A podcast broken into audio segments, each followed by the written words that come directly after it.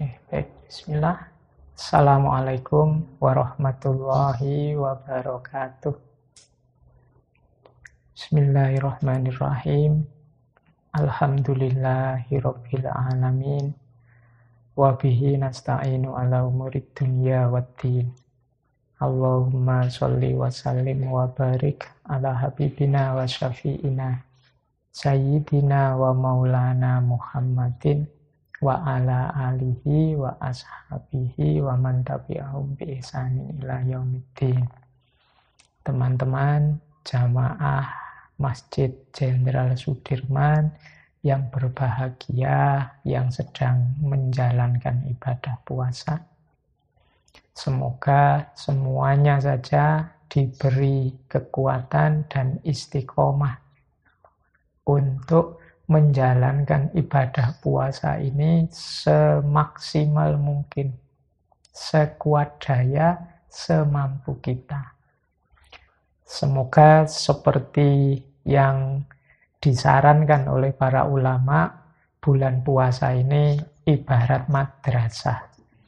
Jadi pendidikan, ya khususnya pendidikan jiwa bagi kita, semoga nanti keluar dari Ramadan kondisi dan kualitas diri kita meningkat. Baik di ranah kehambaan kita kepadanya maupun dalam rangka menjalankan tanggung jawab dan tugas-tugas kemanusiaan. Uh, pada kesempatan kali ini, saya ingin membahas sedikit, mungkin nambah wawasan sedikit untuk kita semua. Tadi kan saya minta untuk berpuasa sepenuh hati, sepenuh daya. Kalau dalam konsepnya Islam, satu amal, satu perbuatan itu disebut paripurna kalau unsur-unsurnya terpenuhi.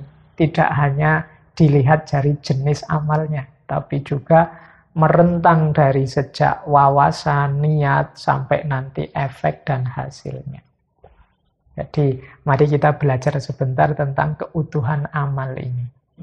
Jadi amal baik kita itu akan dianggap paripurna kalau mengikuti proses-proses yang utuh. Kalau menurut saya diawali dari pengetahuan, kemudian kalau sudah tahu dilanjutkan dengan niat, niat tentu isinya ketulusan. Kalau sudah niat kita jalani dengan kesungguhan hati, dengan mantap, Habis niat terus amal. Setelah amal, dalam konteks amal, kita juga kalau bisa ya menikmati amal yang kita lakukan. Karena dengan menikmati itu kita akan memperoleh manfaat dan maslahatnya. Setelah itu baru tahap selanjutnya kita masuk ke ranah hikmah. Hikmah ini yang dikejar-kejar oleh orang-orang yang belajar filsafat, belajar tentang ilmu-ilmu agama ini banyak yang mengejar hikmahnya amal. Biar nanti semakin mantap, semakin nikmat. Dan pada akhirnya ujungnya adalah tawakal. Semuanya kita pasrahkan kembali pada Allah. Jadi ini kalau dirinci satu-satu, amal itu sempurna pertama-tama kalau kita belajar dulu. Kalau bahasanya agama kita ngerti dulu kaifiatnya, caranya, untuk puasa kita baik, bagus, utuh ya kita harus belajar cara-cara puasa. Baik di level lahirnya maupun level batinnya. Kalau sudah tahu ilmunya, harus mau menjalani. Makanya dalam agama itu kemauan untuk menjalani ini disebut sajaah, keberanian, harus berani. Banyak di antara kita itu ilmunya tinggi, wawasannya luas. Tapi mengapa kok hidupnya tidak berkualitas? Tidak selevel dengan ketinggian ilmunya karena dalam dirinya tidak ada daya saja'ah, berani untuk menjalankan. Maka termasuk puasa ini, ini kan kita tiap hari digempur oleh berbagai ceramah, oleh berbagai tausiah, berbagai wawasan baru tentang puasa. Ya kalau bisa ayo kita jalankan, ayo kita wujudkan. Jadi setelah kaifiat belajar caranya kita terus niat. Nah, Kalau sudah masuk siap menjalani diawali dari niat, ini agama sangat recommended bagi kita yang paling utama niat itu selalu lillahi ta'ala. Jadi lillahi ta'ala itu berarti ya hanya kita dedikasikan, orientasikan untuk Allah saja. Bahkan tidak hanya untuk kebutuhan, kepentingan kita yang sementara. Tapi segalanya lillahi ta'ala. Makanya redaksinya niat itu selalu di belakangnya lillahi ta'ala. Jadi setelah ngerti ilmunya, kita berani menjalaninya diawali dari niat yang tulus, ikhlas lillahi ta'ala. Setelah itu kita jalankan semaksimal mungkin. Kalau dalam agama ada istilah Islam dan ihsan. Islam itu kita pasrah, patuh apa pun aturannya. Ihsan itu kalau memungkinkan kita tambah-tambahi kebaikannya, kita tambah-tambahi dengan aktivitas-aktivitas yang lebih membuat amal baik kita itu semakin tinggi kualitasnya. Jadi setelah niat kemudian amal. Amal ini yo kita daya gunakan semaksimal kita tahu dan sekuat kita mampu. Kalau kita ngertinya 10, kita jalani 10 itu. Kalau kita kuatnya 9, kita jalani sampai 9. Tidak nyimpen-nyimpen tenaga, nyimpen daya, atau nunggu-nunggu besok saja.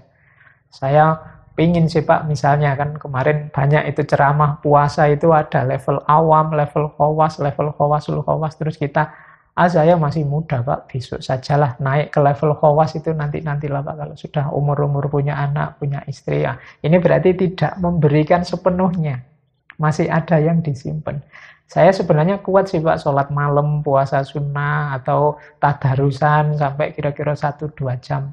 Tapi nanti-nanti lah Pak, Wong yo masih banyak kesempatan. Nah, ini berarti tidak sungguh-sungguh, tidak memberikan semuanya untuk Allah, untuk kebaikan yang kita tahu. Maka mari berikan semampu kita. Allah itu melihat seberapa besar keseriusan kesungguhan kita. Meskipun mungkin nanti tidak seideal sebagaimana yang kita tahu dalam pengetahuan tadi, tapi kalau kita sungguh-sungguh menjalaninya, berusaha seideal mungkin, insya Allah nanti Allah akan hadir, membantu kita, memberikan daya, memberikan kekuatan, dan lain sebagainya. Jadi setelah niat yang ikhlas, kita jalani sepenuh hati, sepenuh daya. Ketika kita jalankan sepenuh hati, sepenuh daya inilah nanti kita akan bertemu dengan hasil baik yang berbentuk manfaat maupun maslahat.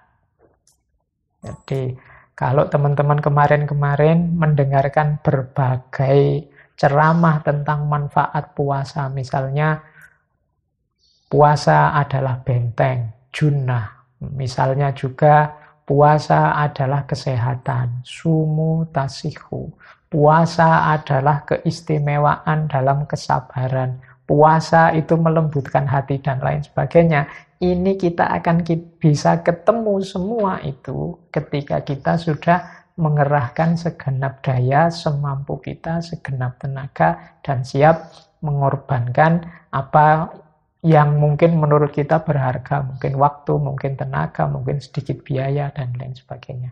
Di situlah nanti manfaatnya puasa bisa kita temukan secara maksimal. Makanya kalau ada teman-teman yang mengeluh, Pak, saya itu puasa mungkin ya sudah puluhan tahun. Tapi kok tidak ketemu-ketemu ya manfaat maslahatnya puasa seperti yang diceramah-ceramahkan oleh para ustadz itu. Kemungkinan kita belum 100% memberikan daya kemampuan kita untuk puasa ini. Imam Ghazali misalnya menyatakan, eh kalau puasa, mbok yo jangan hanya menahan lapar haus biologis saja, tapi juga semua anggota tubuh kita dong juga dijaga misalnya. Ah, mungkin kita ngerti sih ini, tapi kan tidak pernah secara sungguh-sungguh berjuang. Bertekad pokoknya selama puasa ini aku bismillah niat tekad menjauhi hal-hal yang maksiat dan dosa. Misalnya begitu pegang HP, pas surfing-surfing buka apa sadar, oh ya sedang puasa, nanti saja, dan seterusnya. Ini berarti ada kesungguhan untuk berjuang.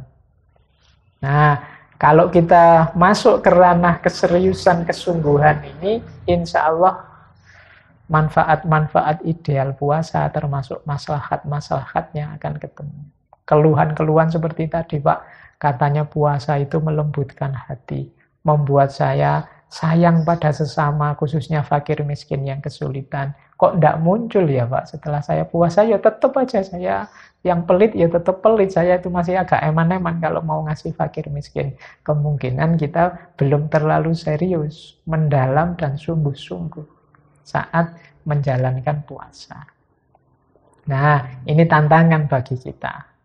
Jadi berarti optimalnya puasa itu tergantung kesungguhan kita untuk mengerahkan segala daya upaya puasa sebaik mungkin seperti yang kita tahu. Ya mungkin kita tidak nyampe level khawasul khawas atau level-level selanjutnya, tapi insya Allah setelah kita memberikan segala daya semampu kita, Allah akan hadir dengan segala pertolongannya. Setelah itu baru kita cari hikmah. Hikmah itu nanti ini tugasnya yang pinter-pinter, yang ahli-ahli untuk mengungkap, oh di balik puasa ada ini, di balik puasa ada rahasia itu, dan lain sebagainya. Ini bisa dicari di kajian-kajian, di kitab-kitabnya para ulama. Ini yang level hikmah dan puncaknya pastinya tawakal. Apa pun hasilnya, apa pun yang kita dapat, kita peroleh, semuanya kita persembahkan kepada Allah. Kalau ada kurangnya kita minta ampun, kalau kita sudah memberikan maksimal kita bersyukur. Inilah hakikatnya puasa di akhir yaitu tawakal. Kita pasrahkan semuanya kepada Allah. Insya Allah kalau tadi kita urut dari sejak pengetahuan sampai tawakal, di situlah nanti puasa membuahkan peningkatan kualitas diri yang kalau pakai bahasa Al-Quran kita menjelma jadi seorang yang bertakwa. Baik teman-teman, saya kira itu saja sedikit belajar bareng-bareng kita di bulan puasa ini. Kurang lebihnya mohon maaf. Wallahul muwafiq, wallahu a'lam bisawab. Wassalamualaikum warahmatullahi wabarakatuh.